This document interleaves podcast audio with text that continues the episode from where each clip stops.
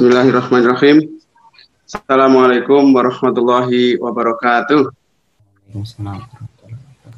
Bismillah, Alhamdulillah, Assalatu wassalamu ala rasulillah wa ala alihi wa sahbihi wa mawalah.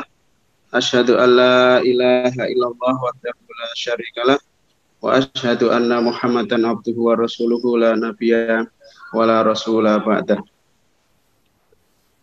Yang kami hormati eh, narasumber Mas Mas ya, Mas yeah. Dr. Dani Silahuddin. Terima kasih Mas, luar biasa uh, bisa uh, bersua kembali walaupun apa namanya hanya via Zoom. Yang kami hormati Bapak, Ibu guru dan karyawan SMP Badai Surakarta yang kami hormati eh,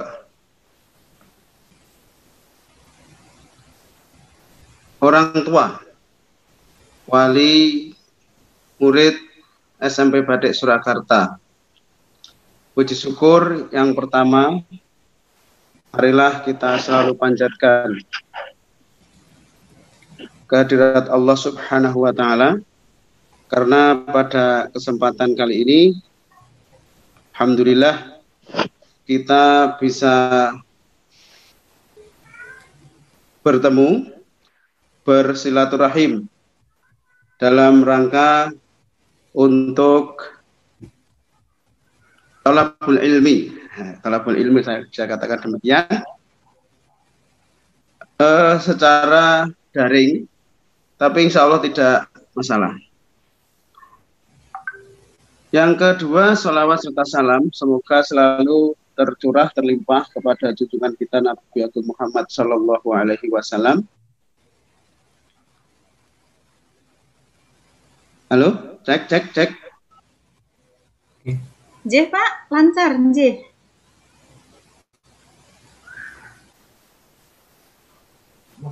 Uh, Pak CP suaranya ya. bilang J. Yang ada gambar ini tolong di anu apa namanya? Bisa di unmute kan ada dua ini pak hostnya nyon tolong untuk di unmute dulu.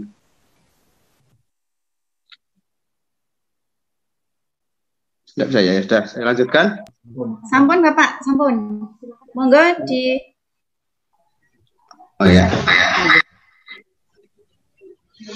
Ya saya lanjutkan Uh, salawat serta salam semoga selalu tercurah terlimpah pada junjungan kita Nabi Agung Muhammad Sallallahu Alaihi Wasallam, keluarga, sahabatnya dan seluruh pengikutnya sampai yaumul kiamah nanti. Uh, Bapak Ibu hadirin dan tak lupa anak-anakku sekalian yang berbahagia.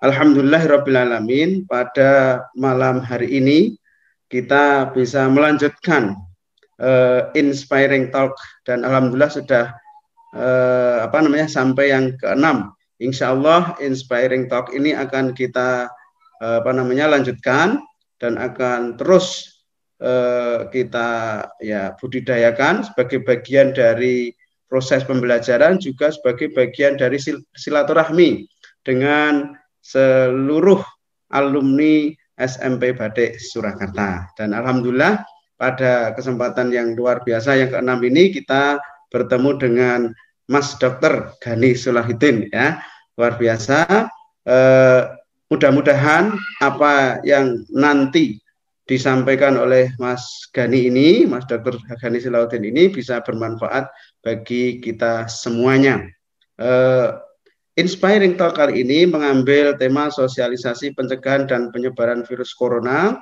sebagai bagian dari kontribusi kita SMP Batik Surakarta untuk ikut eh, apa namanya mendukung program pemerintah dalam rangka untuk pencegahan dan penyebaran virus corona.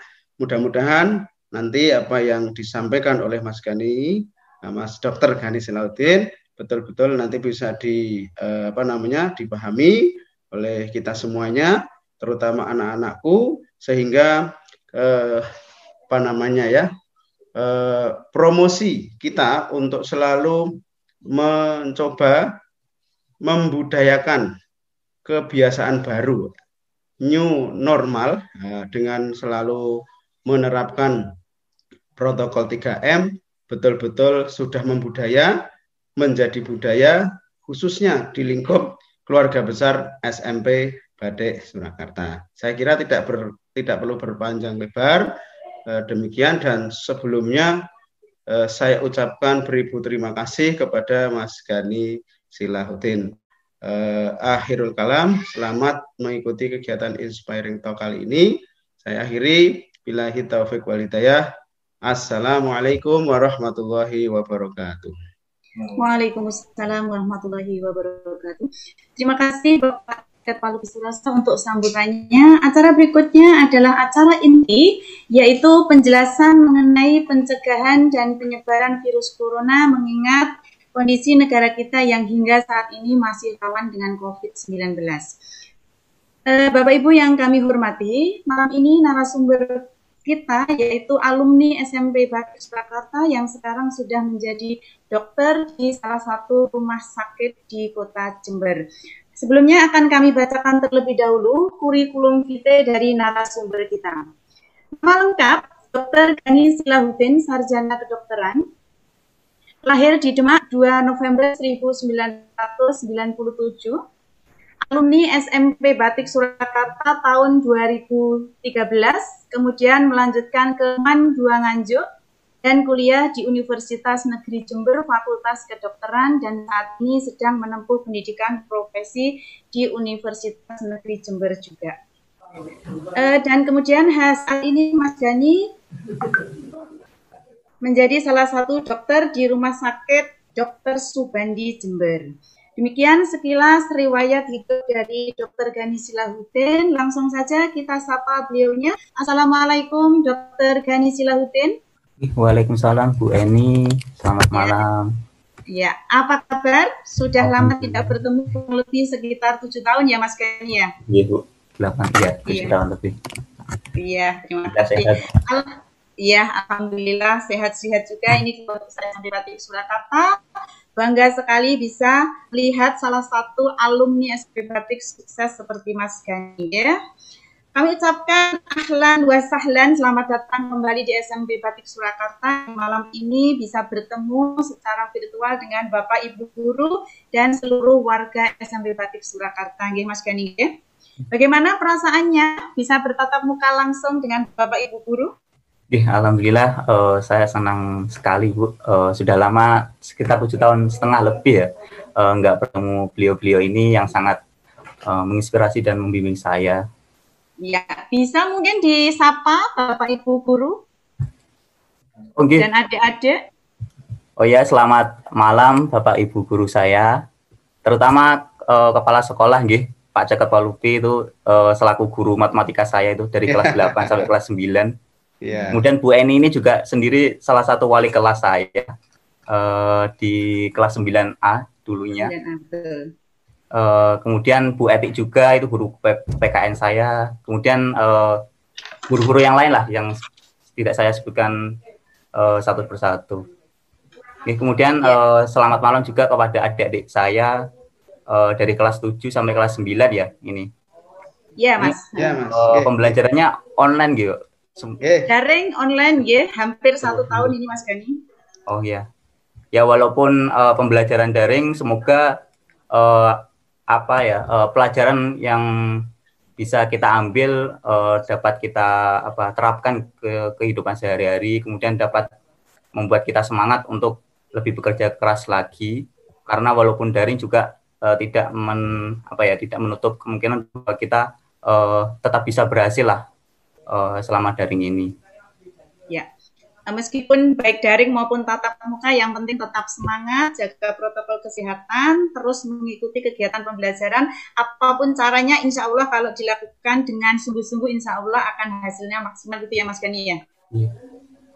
Ya, baik Mas Gali, sebelum nanti Mas Gani menyampaikan materi, saya ingin uh, menyampaikan atau menanyakan satu hal yang ini insya Allah nanti bisa menginspirasi adik-adik khususnya yang sekarang uh, duduk di SMP Batik Surakarta, maksudnya sedang belajar di SMP Batik Surakarta.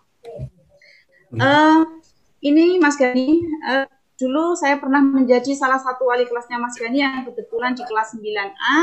Jadi sedikit banyak tahu masa kecilnya Mas Gani gitu ya. Nah, berbicara tentang sukses Mas Gani, berbicara tentang sukses, uh, saya ingin bertanya, kira-kira apa yang membuat Mas Gani kuat dan termotivasi hingga sampai tahap ini? Karena kalau mengingat dulu, ini sebenarnya uh, sangat tidak menyenangkan untuk diungkit kembali, tetapi insya Allah ini nanti bisa menginspirasi adik-adik ya. Jadi Mas Gani ini sejak SD dengan kedua adiknya itu sudah uh, tidak didampingi oleh ibunda tercinta ya. Jadi ibunda sudah almarhum sejak Mas Gani SD gitu ya Mas Gani ya. Iya benar Bu. Dengan kedua ya. adiknya. Kemudian selang beberapa tahun tepatnya waktu itu Mas Gani kelas 9 satu minggu sebelum ujian nasional ya Mas Gani ya. Satu minggu sebelum ujian nasional itu Mas Gani juga kehilangan uh, ayahanda tercinta gitu. Nah, tidak mudah bagi Mas Gani dan kedua adiknya untuk menjalani uh, hal seperti itu. Nah, ini yang ingin Bu Eni tanyakan dan ingin Bu ini Mas Gani juga bisa sharing kepada kita semua, kepada adik-adik, apa yang membuat Mas Gani bisa melampaui itu semua karena banyak orang sukses di luar sana tetapi yang mempunyai background seperti Mas Gani saya yakin tidak banyak yang bisa menjalaninya. Mungkin bisa sharing sedikit Mas Gani? Oh iya, uh, Bu. Terima kasih waktunya. Uh, ya, mungkin sedikit uh, berbagi pengalaman saja.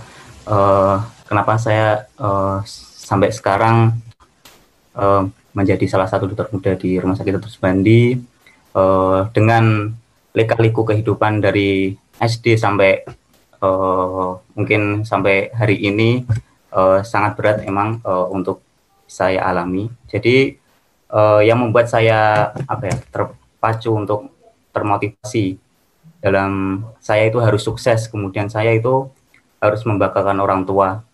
Itu pada saat uh, ayah, terutama pada saat ayah saya meninggal, itu kelas 3, itu saya sangat terpukul sekali karena uh, ayah saya itu sebagai apa ya, sebagai motivator saya lah untuk uh, menjalani kehidupan dengan ayah saya meninggal itu uh, saya berpikir uh, karena dulunya saya emang berkeinginan untuk menjadi dokter ya, dari uh, TK mungkin cita saya itu menjadi dokter kemudian uh, saya tekuni sampai SD sampai SMA kemudian pada saat uh, ayah saya juga meninggal pun karena sakit ibu saya juga sebenarnya karena sakit juga uh, itu yang membuat saya wah saya itu harus bisa ini untuk menjadi uh, salah satu kebanggaan lah orang tua saya biar uh, bisa me meningkatkan apa namanya uh, meningkatkan keluarga saya itu agar tidak dipandang remeh lagi. Kemudian juga uh, inspirasi saya lagi itu kedua adik saya karena kedua adik saya itu kan pada waktu uh, kecil itu eh pada saat saya SMP kelas 3 itu kan masih kecil ya, masih SD kelas 4 sama kelas eh kelas G kelas 4 sama kelas 2 kalau nggak salah. Itu sudah ditinggal kedua orang tua. Jadi uh, itu yang membuat saya tambah semangat untuk uh, menjalani kehidupan ini.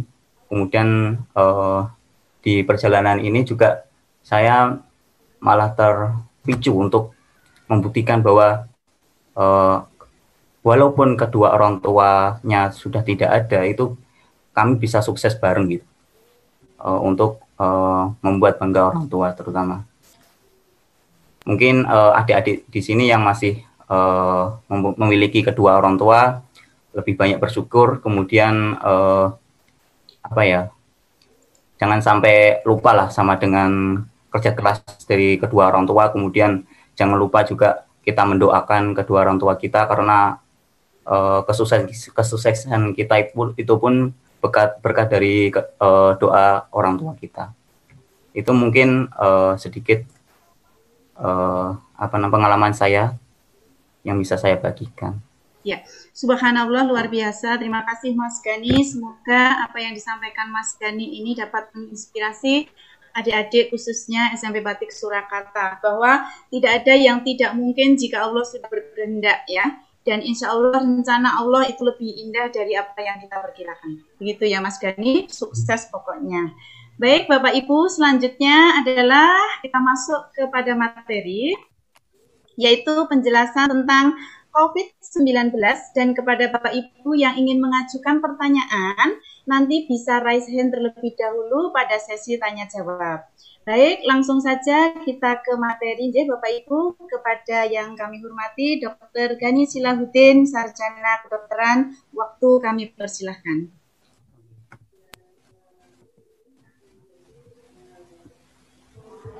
Saya izin share screen-nya gitu.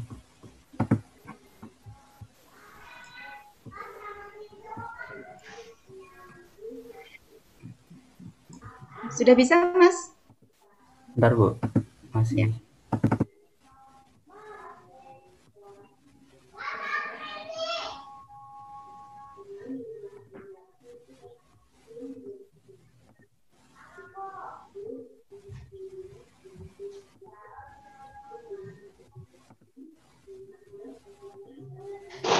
Masuk, Bu? Sudah. Ampun, Mas. Oh, iya. uh, nanti tolong annotationnya dimatikan ya biar tidak bisa dicolek-colek. Oh, Oke. Okay. Oh, Monggo sudah terlihat Mas Gani. Bismillahirrahmanirrahim. Assalamualaikum warahmatullahi wabarakatuh. Ya, uh... sebentar Mas Gani, uh, di stop dulu ya. Dari sini aja untuk share screen-nya ya Mas Gani ya. Oh, nggih, ngapunten. Anjir, anjir. Sekedap saya gini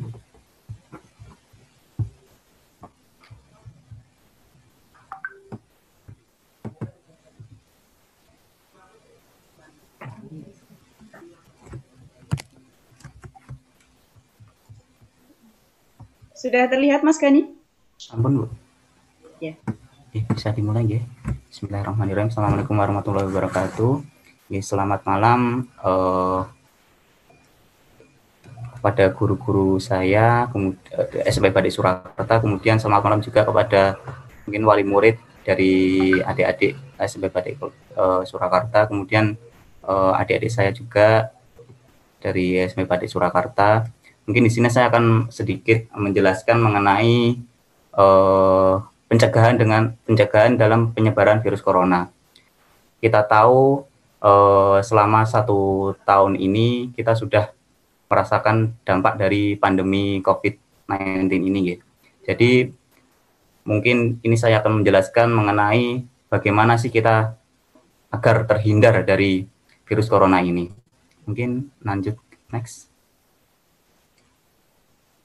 Ya, apa sih uh, virus coronavirus itu atau disebut COVID-19? Jadi merupakan penyakit uh, yang disebabkan oleh jenis coronavirus baru yang disebut SARS-CoV-2. Jadi sebenarnya uh, coronavirus ini sudah lama ditemukan, sudah ada beberapa jenis, tetapi pada saat tanggal 31 Desember itu uh, ditemukan uh, mutasi virus baru yang dinamakan SARS-CoV-2 itu, yang berawal dari Tiongkok ya, di Wuhan tepatnya. Mungkin lanjut selanjutnya. Ya, Berdasarkan uh, angka kejadian terbaru, ini saya kutip tanggal 14 Januari ya kemarin, menurut WHO itu angka kejadian untuk terkonfirmasi COVID-19 itu hampir 90 juta. Jadi ini sangat banyak sekali. Ini dalam seumur apa ya, seabad-abad dulu walaupun dulunya pernah mengalami pandemi tetapi tidak sebanyak ini yang mengalami konfirmasi kasus COVID terutama virus. Jadi uh, untuk selanjutnya pada saat apa namanya WHO memutuskan uh, virus ini ada masuk di dunia, kemudian uh, masuk dalam kategori pandemi COVID-19, itu WHO ini akan apa ya mengumumkan uh, kepada seluruh negara untuk segera membuat suatu regulasi agar uh, penyebaran COVID-19 ini segera di apa ya dikurangi, segera dicegah. Jadi kemudian untuk di Indonesia sendiri, terakhir pada hari kemarin itu terkonfirmasi 800 ribu. Ini uh, sungguh ya sangat banyak. Kemudian angka kematian pun 25 ribu. 25 ribu ini di Indonesia ini menjadi angka tertinggi dari, maksudnya uh, angka kematian salah satu angka kematian tertinggi di dunia. Eh, rata-rata uh, angka kematiannya itu di atas angka kematian WHO yang harus yang ditetapkan oleh WHO. Kemudian next, ya ini uh, dalam satu bulan ini uh, pengembangan COVID-19 ini malah cenderung naik ya. Uh, padahal uh, yang diharapkan kan uh, selalu stagnan kemudian turun. Tetapi pada saat akhir-akhir ini terutama pada bulan liburan kemudian ya bulan tahun baru kemudian Natal itu itu mengalami lonjakan yang sangat tinggi yang ini menyebabkan pemerintah membuat suatu regulasi kayak PSBB, kemudian uh, pemberlakuan seperti sekarang yang PKMB namanya ya, uh, untuk pembatasan kegiatan masyarakat secara skala besar sepulau Jawa Bali untuk segera menurunkan dari angka ke, uh, angka kejadian dari COVID-19 di Indonesia. Next slide. Nah, gimana sih penularannya virus uh, SARS-CoV-2 ini? uh, ada beberapa cara penularan. Yang pertama itu droplet. Droplet itu bisa dari uh, batuk, kemudian bersin, kemudian uh, kita saling berbicara dengan tidak menjaga jarak. Kemudian ada namanya airborne. Airborne itu uh, di udara. Jadi uh, virus ini walau uh, terutama di ruangan yang tertutup tanpa ventilasi itu virusnya itu akan menetap di sana. Jadi nggak akan mati maksudnya dalam waktu uh, beberapa hari itu masih menetap. Jadi semisal uh, apa namanya di ruangan itu apalagi orangnya banyak itu sangat riskan untuk tertularannya uh, virus corona ini. Kemudian ada namanya vomit. Vomit itu benda-benda di sekitar kita. Jadi benda alat makan, kemudian alat mandi itu uh, apa namanya virus-virus yang menempel di benda-benda tersebut itu sangat sangat apa ya sangat beresiko untuk tertular dari virus corona ini. Jadi eh, diharapkan eh, untuk adik-adik kemudian wali murid apabila eh, apa namanya menemukan benda-benda yang ingin dipegang itu sebaiknya kita cuci tangan dahulu kemudian setelah kita pegang eh, kita eh, cuci tangan kembali. Next slide ya apa saja sih gejalanya dari uh, virus corona ini? Jadi ada banyak sebenarnya uh, untuk gejalanya, tapi yang paling umum itu ada demam, kemudian batuk pilek, kemudian dia itu merasa letih, merasa capek lah, merasa tidak punya tenaga, kemudian nyeri tenggorokan, nyeri telan juga, kemudian ada gangguan sesak nafas. Ini uh, berdasarkan uh, dari pemerintah Indonesia ya itu tercatat bahwa paling banyak untuk gejalanya itu batuk.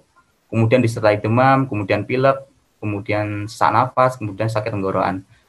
Uh, yang perlu kita ketahui uh, tidak hanya menyerang di sistem pernafasan, tapi juga di sistem saluran cerna kita, seperti diare, kemudian membuat sakit perut, mual, kayak gitu. Kemudian terbaru juga uh, virus ini juga membuat uh, penyakit kulit ya juga. Next. Ya, yang paling penting ini bagaimana sih kita mencegah dari penularan dan penyebaran dari virus COVID-19 ini. Sebenarnya untuk melakukan pencegahan itu sangat mudah, sangat simpel sekali dalam kehidupan sehari-hari kita. Mungkin next slide. Contohnya adalah uh, pemerintah selalu menggaungkan 3M ya, jadi kita uh, jangan pernah bosan jika kita diharapkan untuk selalu melakukan 3M. 3M itu yang pertama adalah M-nya itu yang pertama iman.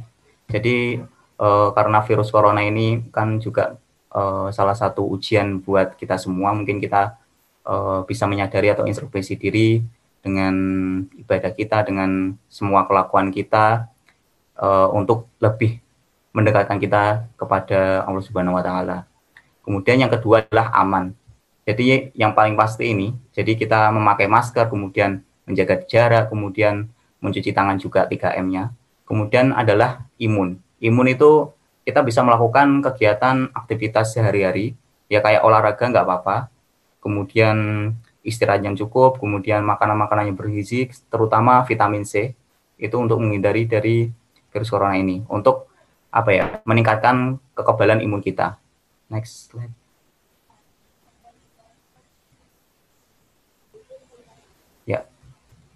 Ya ini uh, yang pertama adalah memakai masker. Memakai masker ini merupakan salah satu hal yang paling penting dalam pencegahan virus corona ini. Jadi uh, masker yang disarankan oleh atau direkomendasikan oleh WHO adalah masker bedah. Uh, untuknya masker seperti masker kain kemudian buff itu sudah tidak disarankan karena uh, virus corona ini kan partikel yang paling kecil ya. Pada saat uh, kita menggunakan apa namanya uh, masker kain kemudian masker buff itu itu virus itu masih tetap bisa masuk karena kan uh, celah dari masker buff itu masih sangat besar untuk saringannya. Tapi, tetapi kalau kita memakai masker bedah kayak gini, ini kan tiga lapis. Jadi sudah langsung apa namanya uh, virus itu sudah tidak bisa masuk lagi ke dalam hidung atau mulut kita.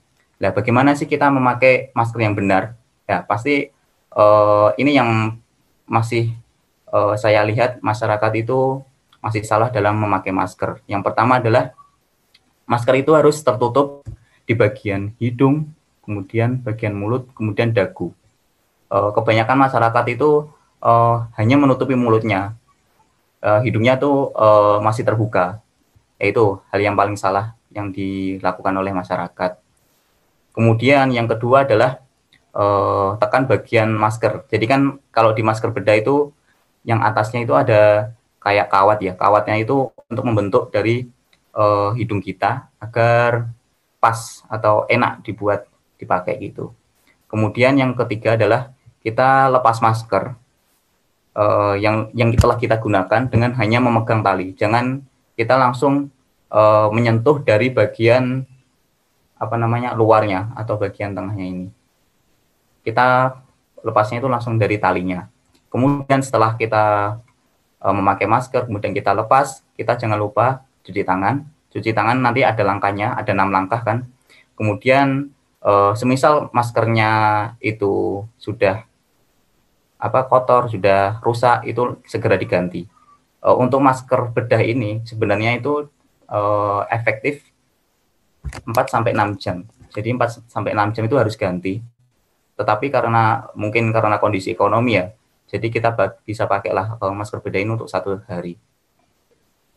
Next slide. Ya, ini yang kedua adalah mencuci tangan. Uh, mungkin uh, ini adalah hal yang paling sepele ya, tetapi kan uh, ini sangat berpengaruh pada uh, penyebaran virus COVID-19. Jadi sebenarnya untuk mencuci tangan itu ada enam langkah. Uh, yang pertama adalah kita mencuci dari telapak tangannya dulu. Kedua tangan kita uh, menggosokkan. Kemudian uh, kita jangan lupa pakai sabun, terutama sabun karena uh, kalau tanpa sabun itu bakteri atau eh virusnya itu nggak akan mati. Kalau kita memakai sabun, virusnya akan mati. Kemudian kita uh, gosokkan di apa namanya pundak dari tangan, kemudian yang ketiga adalah di sela-sela jari, kemudian di yang keempat adalah bagian apa ya kuku kita, kemudian yang kelima itu bagian jempol kita, kemudian baru yang terakhir adalah uh, di bagian ujung-ujung jari kita. Karena kan biasanya ujung-ujung jari kita itu uh, kuku kita kan banyak sekali apa ya bakteri, virus dan lain-lain yang nantinya malah menyebabkan uh, dari penyebaran ini sangat beresiko. Kemudian next slide. Ya ini uh, untuk menjaga jarak itu kan ada yang istilah social distancing dan physical distancing. Uh, untuk masyarakat umum sebaiknya uh, walaupun semisal kita nggak uh, bisa menjaga jarak ya, kan harusnya minimal sekarang itu harusnya minimal 2 meter karena mungkin ada kondisi kondisi tertentu yang membuat kita tidak bisa menjaga jarak 2 meter itu ya solusi terbaik adalah tetap pakai masker kemudian uh, ya tetap pakai masker kemudian cuci tangan juga. Untuk menjaga jarak ini hal-hal yang paling simpel yang bisa kita lakukan adalah uh, yang pertama sebisa mungkin uh, kita tidak bisa kita tidak menerima tamu terlebih dahulu apalagi yang dari luar kota. Uh, semisal ada yang tamu yang ingin sekali berkunjung ke rumah kita sebaiknya beliau uh, atau tamu-tamu kita itu apa namanya uh, melakukan swab antigen antigen dulu untuk memastikan bahwa tamunya itu uh, tidak membawa virus gitu. Yang kedua ini uh, kita menunda apa ya segala travel apa ya segala perjalanan kita mungkin mau liburan kemudian mau apa namanya ya pokok mau liburan kemudian traveling kayak gitu kita tunda dulu. Kemudian yang ketiga adalah uh, sebisa mungkin kita tidak salaman uh, secara langsung telapak tangan menyentuh telapak tangan. Kemudian yang keempat yang telah dilakukan adalah belajar di rumah ya. Jadi walaupun adik-adik ini belajar di rumah uh, kan pastinya ingin main gitu ya. Karena sumpah karena uh, sudah bosan mungkin di rumah karena sudah lebih dari enam bulan ya mungkin uh, adik-adik kalaupun ingin keluar tetap uh, harus mematuhi protokol kesehatan tetap dengan memakai masker terutamanya kemudian uh, kita tunggu segala apa namanya semisal ada hajatan kemudian ada uh, pengajian kayak gitu kita uh, tunda dulu untuk mengikuti itu. Kalaupun terpaksa kita diundang untuk uh, ada resepsi atau gimana, ya udah kita tetap uh, sebisa mungkin kita membawa hand sanitizer. Kalau semisal di sana itu nggak ada cuci tangan, kemudian tetap pakai masker gitu. Next slide. Ya, uh, dari apa namanya tiga hal-hal yang paling simpel itu itulah yang bisa kita lakukan dari di, dari pribadi kita ya. Kemudian eh, sepanjang waktu ini selama perkembangan COVID ini, kemudian pemerintah eh, merencanakan adalah suatu program vaksinasi. Ya ini yang paling banyak yang dipertanyakan oleh banyak masyarakat ya. Eh, vaksin ini eh, benar apa enggak sih? Eh, apa namanya eh, isinya? Jangan-jangan itu isinya babi lah apa cuman cairan apalah yang membuat uh, apa namanya fisik kita malah jadi uh, sakit atau gimana. Padahal program vaksinasi ini adalah tujuannya itu untuk meningkatkan imun kekebalan kita. Jadi next slide, nanti saya jelaskan. Untuk vaksinasi atau pengertian vaksin ini adalah merupakan produk biologi yang berisi antigen. Jadi antigen ini uh, suatu apa ya uh, suatu unsur dari virus yang telah dimatikan kemudian diberikan kepada seseorang yang menimbulkan kekebalan spesifik jadi virus yang telah mati ini itu kita masukkan ke dalam uh, tubuh kita agar uh, terjadi reaksi antibodi atau reaksi ya reaksi imun uh, kita terhadap virus ini. Jadi tujuannya itu ketika uh, virus yang kedua kan ini virus mati ya yang dimasukkan. Ketika ada virus yang hidup di masuk ke dalam tubuh kita itu pada vaksinasi ini akan langsung bekerja untuk memerangi dari uh, virus antigen yang hidup itu.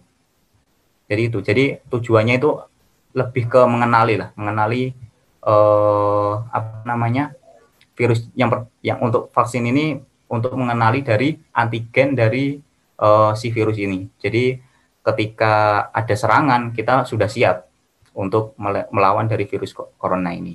Itu adalah tujuan dari vaksinasi. Kemudian next slide. Ya, ini uh, untuk kelompok prioritas dari menurut Permenkes itu yang pertama adalah tenaga kesehatan karena tenaga kesehatan ini merupakan garda terdepan untuk uh, apa namanya memberantas dari virus corona kemudian para TNI Polri kemudian petugas pelayanan publik lah ASN AS kayak gitu kemudian yang kedua adalah tokoh masyarakat agama kemudian tenaga pendidik guru dosen kemudian yang keempat adalah aparatur kementerian dan Pemda dan lain-lain kemudian adalah masyarakat rentan dari aspek sosial ekonomi Jadi masyarakat masyarakat yang rentan dari uh, kemiskinan itu di prioritas yang kelima. Kemudian yang keenam adalah masyarakat dan pelaku perekonomian lainnya. Uh, untuk kelompok prioritas ini, next slide, itu agenda dari pemerintah sendiri.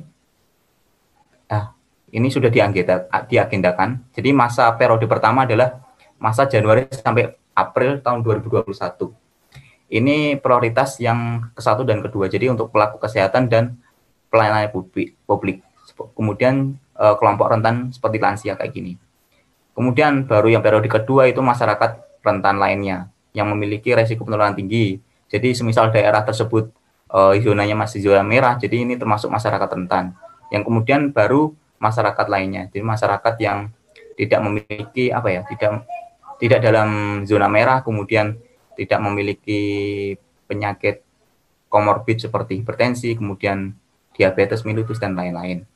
Jadi eh, apa namanya untuk program pemerintah dalam 1 sampai 2 tahun ini marilah kita dukung dengan membantu pemerintah agar vaksinasi ini berjalan dengan baik, kemudian tujuannya adalah juga untuk diri kita, kemudian keluarga kita, juga eh, teman-teman uh, kita, untuk menghindari dari virus corona ini. Next slide. Ya, untuk jenis vaksin di Indonesia, jadi uh, sudah kita ketahui bahwa Kementerian Kesehatan itu telah merilis uh, jenis vaksin yang akan diberikan kepada masyarakat Indonesia. Yang pertama adalah PT Bio Farma, itu mengeluarkan namanya itu vaksin merah putih. Ini yang masih uh, dalam uji klinis ketiga ya, uji klinis ketiga. Kemudian yang kedua itu ada AstraZeneca, Sinovac, Moderna, Pfizer, atau dan BioNTech. Kemudian yang keenam adalah Sinovac. Nah, pada periode pertama ini kita kan sudah di sudah ada pengiriman dari Sinovac. Sinovac ini merupakan produk dari Cina. Pasti mikir e, kenapa kok Sinovac apa namanya kok dari Cina?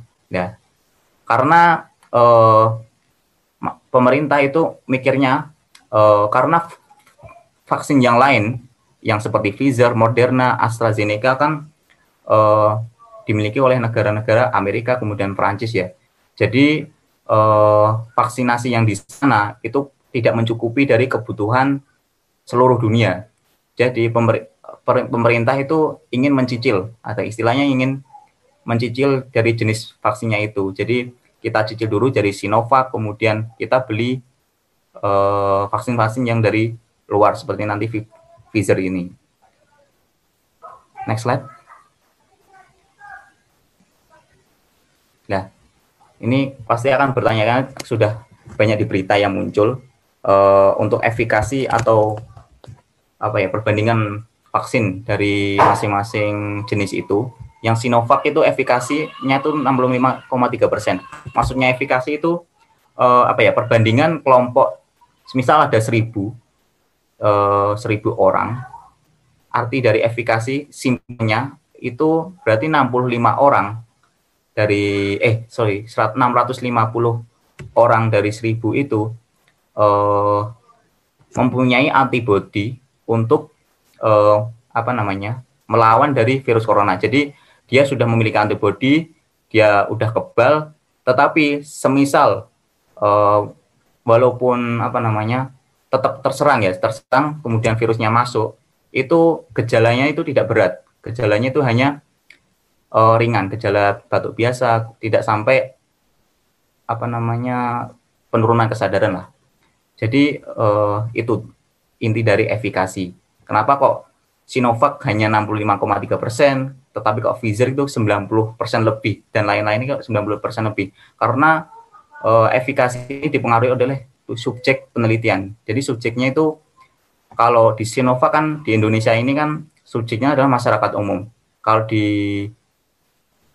apa namanya Sinovac di bagian Brazil, kemudian Turki kan kok kenapa angkanya itu berbeda-beda di Turki 91,25 persen karena subjek penelitiannya itu tidak masyarakat umum, jadi masyarakat yang e, memiliki resiko seperti tenaga medis itu dimasukkan di dalam penelitian di Turki. Jadi efikasinya ya 91,25 persen karena uh, tenaga medis kan sudah apa ya memenuhi protokol kesehatan. Jadi untuk uh, tertular dari virus corona itu sangat kecil, makanya kok tinggi.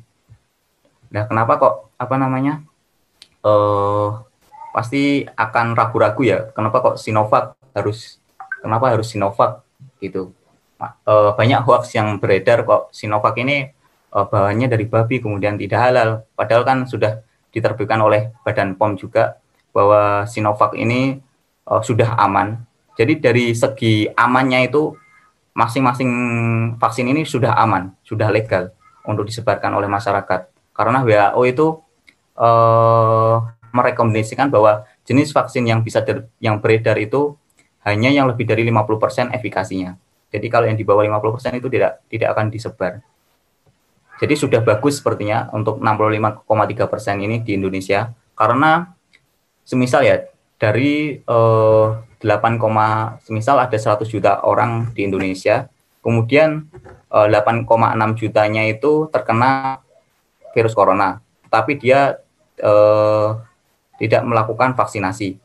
Lah, dengan kita melakukan vaksinasi eh, dengan memakai Sinovac itu akan membuat uh, orang-orang yang terkena dari 8,6 juta, 8,6 juta itu akan sangat menurun ke 5,6 juta. Jadi itu uh, menurun drastis apa namanya tingkat uh, penularannya sampai 3 juta. Itu sangat membantu kita tenaga medis karena kan kita tahu semisal uh, penyebaran virus corona itu sangat tinggi, itu membuat fasilitas kesehatan itu, itu kita penuh. Apalagi kalau di Jember ini, di Jember ini uh, tempat dari isolasi atau isolasi dari uh, pasien yang terkena virus virus COVID-19 itu sudah penuh. Jadi kita sampai menolak-nolak dari rumah sakit lain untuk disebar ke luar kota. Jadi tujuan dari vaksin ini adalah untuk mencegah dari penyebaran, kemudian membantu tenaga medis agar uh, apa ya istilah itu tidak lelah dalam menghadapi uh, virus ini. Kemudian next slide. Nah, ini pesan yang saya sampaikan bahwa sebetulnya itu untuk garda terdepan bukan bukan dari tenaga medis, tetapi itu masyarakat. Masyarakat itu menjadi garda terdepan dalam pencegahan dalam pencegahan menyebar uh, penyebaran COVID-19. Bukan dari tenaga medisnya, masyarakatnya. Jadi uh, masyarakatnya itu diharapkan sangat-sangat diharapkan agar selalu mematuhi protokol kesehatan, memakai masker, mencuci tangan, kemudian menjaga jarak. Kemudian minta tolong uh, juga agar ikut berpartisipasi dalam program vaksinasi yang telah dicanangkan oleh pemerintah. Ini sangat membantu sekali kepada tenaga medis. Uh, banyak teman saya itu juga yang terkena uh, diisolasi selama satu bulan setengah malahan itu masih positif juga teman sekontrakan saya juga terkena ya, itu membuat apa ya uh, dengan program vaksinasi ini membuat mereka itu tersenyum. Karena uh, dari program vaksinasi ini tujuannya agar pasien coronanya itu tidak banyak masuk ke rumah sakit. Itu sih. Biar kita juga uh, tidak kelelahan dalam menghadapi pandemi ini. Itu. Mungkin uh, sekian dari saya. Kurang lebihnya mohon maaf. Mungkin nanti akan ada sesi pertanyaan ya. Saya serahkan ke dokter Eni uh, baik terima kasih Mas Gani untuk penjelasannya yang sangat luar biasa dan tentunya sangat bermanfaat bagi kita semua Bapak Ibu yang kami hormati baiklah lang, uh, materi selanjutnya atau acara selanjutnya yaitu sesi tanya jawab monggo Bapak Ibu yang ingin bertanya langsung kepada Dr. Gani Silahudin, silahkan kami persilahkan untuk raise hand terlebih dahulu. Dan untuk sesi pertama ini kami buka untuk dua pertanyaan. Baik, sudah ada yang masuk dari Mas Kevin Mahesa 7D ya. Moga Mas iya. Kevin langsung bisa di mic-nya di unmute sudah ya. Moga langsung bisa bertanya. Ya, Assalamualaikum warahmatullahi wabarakatuh. Perkenalkan nama saya Kevin Mahesa Bandini. Biasa dipanggil Kevin dan saya mau menanya apakah setelah program vaksinasi ini apakah pandemi akan cepat selesai atau bagaimana? Ya, monggo Mas Gani pertanyaan yang bagus Oh, sekali dari Mas Kevin anak kelas 7 ini Mas Gani. Monggo bisa langsung ditanggapi. Oh iya, eh, pertanyaan yang sangat bagus, sangat menarik. Jadi, apakah eh, program vaksinasi ini akan malah membuat eh, penyebaran virus corona itu eh, menjadi sedikit ataupun pandemi ini berakhir?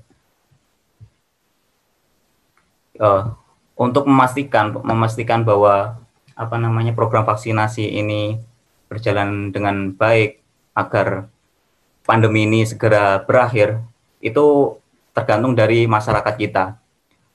Walaupun eh, tujuan dari vaksinasi kan meningkatkan kekebalan dari imun kita agar eh, virus yang masuk itu kita bisa perangi terlebih dahulu. Jadi eh, dengan vaksinasi angka penurun angka penularannya itu akan sangat menurun. Tetapi juga diikuti dengan protokol kesehatan ya. Jadi semisal sudah melakukan vaksinasi tetapi kok nggak langsung nggak pakai masker kemudian cuci tangan juga jarang itu sama aja itu eh, istilahnya apa ya walaupun kita kebal cuman eh, ada saat-saat tertentu tubuh kita itu akan eh, imunnya turun ya pada saat turun ini virus akan langsung sangat mudah untuk masuk makanya kita melakukan protokol kesehatan kayak cuci mak cuci tangan kemudian pakai masker dan jaga jarak itu jadi untuk program vaksinasi ini eh, sangat bersyukur ini akan sangat mengurangi dari eh, korban dari pasien corona ini. Tetapi belum tentu untuk 100% langsung berakhir. Jadi tetap kita protokol kesehatan. Ya itu mungkin yang bisa saya jawab. Baik, Mas Gani. Eh, berarti meskipun nanti sudah divaksin, protokol kesehatan di mana pun dan kapan pun harus terus tetap diterapkan begitu, ya. Baik, ada penanya yang kedua dari Ibu Endang Muji Rahayu. Ini guru seni budaya SMP Batik Surakarta. Mas Gani masih ingat? Nggih, masih ingat, Bu. Oh, nggih. Monggo Bu Endang Muji Rahayu langsung saja. kasih. Assalamualaikum warahmatullahi wabarakatuh. Mas Gandhi. Waalaikumsalam. Bu. Oke. Sehat senantiasa ya, Nak ya. Alhamdulillah sehat, Bu. Terima kasih eh, Mas Gandhi sudah memberikan kesempatan pada Ibu di mana eh, tadi Ibu sudah mendengarkan panjang lebar tentang yang pertama Mas Gandhi mengatakan adanya apa ya penularan yang lewat kulit itu loh. Aku Ibu belum jelas yang lewat kulit itu kayak apa tuh. Hmm. Kemudian yang kedua masalah eh, ini kalau semisal ya orang kan sudah merasa sehat, udah merasa imunnya kuat, udah gitu kok tetap divaksin. Nah itu kan penuh pertanyaan ya. Mbok wes lah ngene wae lah ora usah divaksin kenapa gitu. Yang kedua. Kemudian yang ketiga, apakah eh, vaksin itu punya ukuran-ukuran tertentu ya? Katakan misalnya kayak Ibu, Mas Ganji tahu, Ibu kan eh, postur tubuhnya seperti ini ya, kecil, kemudian berat badannya segini. Apa itu sudah ada berapa apa berapa cc atau berapa tetes begitu untuk nanti jangan-jangan kelebihan cairan, terus akibatnya bagaimana gitu. Pertanyaan tiga, eh, saya mohon dijawab untuk dijelaskan. Tapi sebelumnya saya bilang Mas Gani sukses, luar biasa. Terima kasih. Bu, terima Oke, kasih. ya yuk, monggo Mas Gani langsung saja nggih. Iya. Untuk eh, pertanyaan pertama mengenai, mengenai eh, penularannya kok lewat kulit bisa. Kenapa kok bisa eh, lewat kulit sih? Ya gitu ya intinya. Jadi kan semisal kita eh, di kehidupan sehari-hari kan kita mesti melakukan kayak makan, kemudian eh, seperti nyapu ataupun lain-lain itu kan kita mesti menyentuh salah satu benda di sekitar kita ya. Apalagi kalau di luar rumah itu sangat pasti pasti kayak di mungkin di lift di lift kan kita nombol-nombol itu kenapa kok bisa masuk ke dalam kulit jadi eh, virus ini kan ada namanya itu eh, antigennya antigennya itu selain eh, masuk lewat dari apa nama sistem pernafasan kita hidung mulut kemudian mata juga teli- mata kita juga bisa sangat rentan dalam eh, apa namanya virus itu masuk. Jadi kenapa kok bisa kulit? Kulit ini sebenarnya virusnya itu nggak bisa langsung lewat kulit. Cuman uh, virusnya itu pinter. Dia masuknya itu emang lewat dari pernapasan. Kemudian di pernapasan itu kan ada pembuluh darah pembuluh darah ya, pembuluh darah di alveolus, kemudian di bronkusnya itu kan ada pembuluh darah kecil. Ya, pada saat virusnya masuk, uh, kan ditangkap oleh imun kita, kemudian imun kita bergerak. Nanti ada namanya kayak sistem imun sel T, imun sel Y, imun sel T itu untuk memberantas dari virus antigen ini. Antigen ini akan dicoba untuk dimatikan oleh uh, namanya itu makrofag. Kemudian tetapi karena uh, virus ini apa ya sangat kuat, itu makrofag itu malah mati. Virusnya itu malah tambah banyak kemudian virusnya ini menyebar di pembuluh darah kita, di kelenjar limfo kita, kemudian baru ke peredaran darah, seperti nanti peredaran darah di kulit kita. Jadi eh, kenapa kok bisa masuk ya lewatnya tetap, tapi lewat tetap sistem pernapasan baru masuk ke pembuluh darahnya itu. Untuk yang kedua tadi mengenai vaksin yuk. Jadi mas, mengenai vaksin. Oh ya, mengenai vaksin, uh, Ibu Endang tadi kan menanyakan uh, kalau di usia saya, uh, kalau divaksinasi itu kan dari uji klinis ya, itu untuk subjeknya atau orang yang divaksinasi itu usia rentangnya itu 18 sampai 65 tahun. Itu sudah diperhitungkan betul untuk dosis kemudian cairan yang akan dimasukkan ke dalam uh, vaksinasi itu sudah sangat diperhatikan betul efek dari efek samping dari uh, apa namanya vaksinasi ini. Sebenarnya untuk efek samping dari vaksinasi ini tuh sama dengan imunisasi biasa, imunisasi kayak campak, kemudian eh, BCG, kemudian polio itu sama efeknya. Cuman kan uh, kalau vaksin yang di COVID ini kan nggak bisa untuk bayi ya jadi ini untuk hanya orang-orang dewasa umur 18 sampai 65 tahun. Uh, efek sampingnya itu sama. Uh, efek efek samping di lokalnya itu kayak uh, mialgia. Mialgia itu nyeri otot bagian lengannya karena disuntik itu. Kemudian dia itu merasa mengantuk kayak gitu. Itu timbul kurang lebih tiga harian rasa mengantuk itu. Kemudian yang ketiga itu uh, kalau nggak salah itu dia sistemiknya itu demam seperti biasa. Kalau uh, di bayi kan kalau diimunisasi mesti keesokan harinya itu langsung demam, kemudian kita berikan paracetamol untuk meredakan demam itu. Tapi kalau untuk usia-usia yang rentan seperti uh, usia-usia yang lanjut 65 tahun itu nanti masih teliti uh, vaksinasinya. Maksudnya jenis vaksin yang cocok untuk usia yang lebih dari 65 tahun. Jadi untuk usia 18 sampai 65 tahun itu sudah teruji klinis lah, sudah aman untuk kita, untuk tubuh kita bahwa ini vaksinnya itu sudah apa ya sesuai dengan uh, peraturan yang ada, sudah aman lah intinya kayak gitu. Mungkin yang ketiga. Ya terima kasih Mas Gani untuk penjelasannya. Mungkin uh, pertanyaan berikutnya monggo, mungkin dari Bapak Ibu wali murid Monggo Bapak Ibu. Silahkan raise hand terlebih dahulu.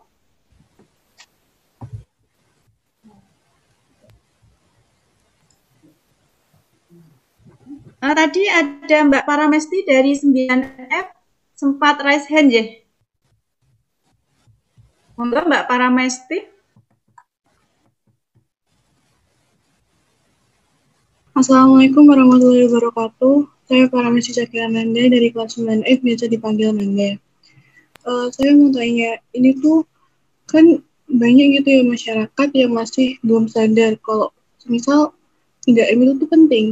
Nah, mereka pasti mikirnya kayak udah dikasih vaksin, udah dikeluarkan oleh pemerintah, pasti kayak ya udah, udah vaksin aja itu udah kebal. Nah, gimana sih cara ngingetin yang baik dan benar buat masyarakat di luar sana karena kan kita kan masih kecil nanti kita kayak dipikirnya kayak udah masih kecil tuh udah dimanja udah nggak nggak usah tahu gitu itu gimana sih caranya monggo mas Gani oke okay. uh, eh, mungkin sebagai adik-adik kelas ini adik-adik saya ini mungkin hal yang bisa kita apa ya sampaikan kepada masyarakat terutama ke keluarga kita dulu deh apa namanya keluarga besar kita kemudian saudara-saudara kita yang dekat uh, untuk apa ya istilahnya itu mungkin di grup-grup WA itu kan banyak beredar hoax-hoax ya. Mungkin kita tanggepi hoaxnya itu dengan fakta-fakta yang ada kemudian uh, kita juga apa ya istilahnya bukan minteri lah bukan minteri ke, ke keluarga ataupun ke saudara ya. Kita cuman berbagi bahwa ini loh yang benar. Maksudnya ini loh yang salah.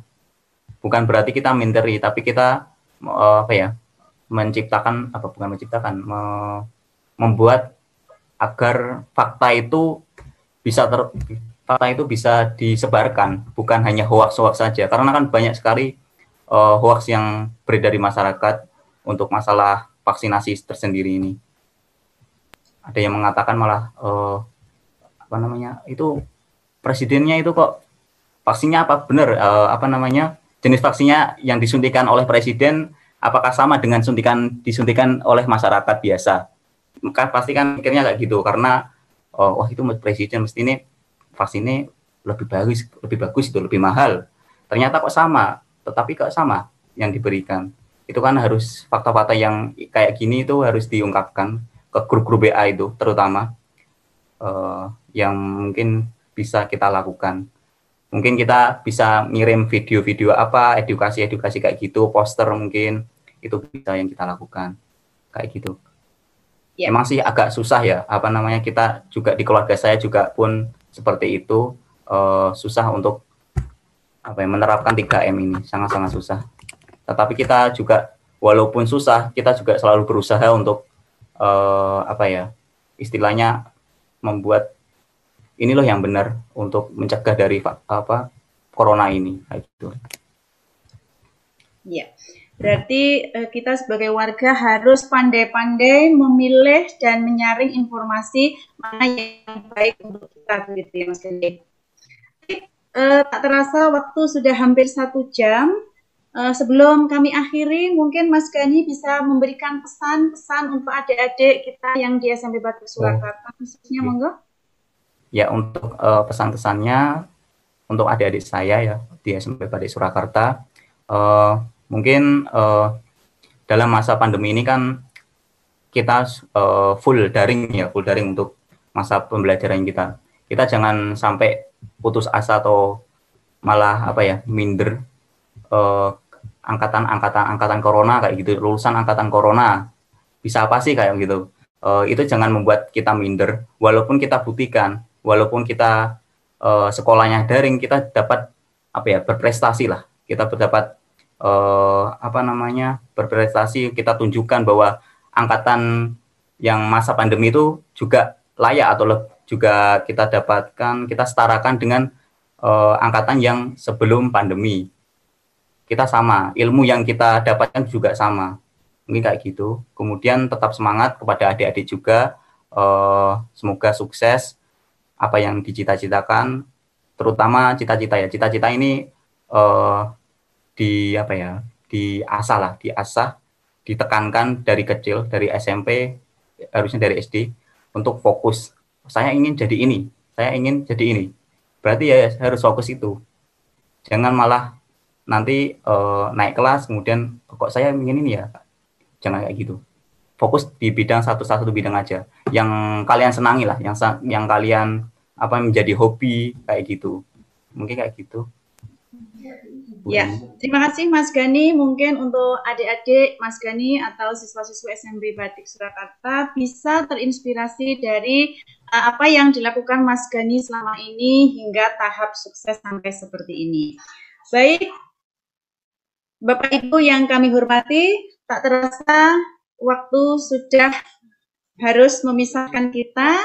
Pesan kami, jangan lupa like, komen, dan subscribe channel YouTube-nya SMP Batik Surakarta. Dan juga Mas Gani, jangan lupa subscribe ya. Iya, siap, siap. Alhamdulillah, terima kasih. Baik, Bapak Ibu yang kami hormati. Mas Gani. Demikianlah Demikianlah tadi acara inspiring bersama Dr. Gani Silahudin. Semoga kita dapat mengambil manfaatnya. yang intinya dapat kami simpulkan bahwa sampai saat ini virus corona masih uh, beredar di sekitar kita dan peningkatannya dari hari ke hari masih sangat signifikan. Kita sebagai warga yang baik tetap harus terapkan protokol kesehatan 3M dan sebisa mungkin mengikuti anjuran dari pemerintah salah satunya adalah mengikuti vaksin. Insya Allah aman seperti itu ya.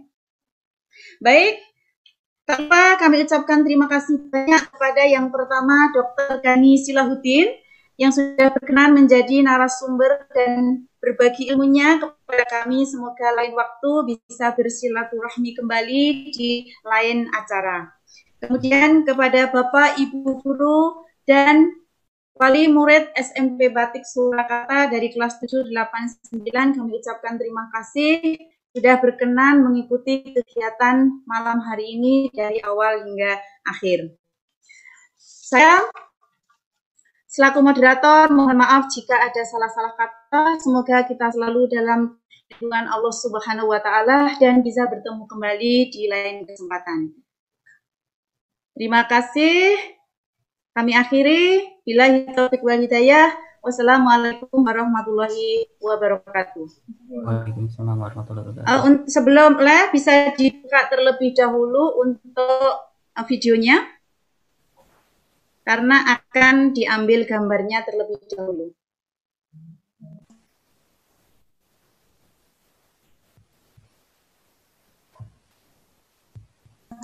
Baik, terima kasih. Sudah bisa uh, live dari acara ini.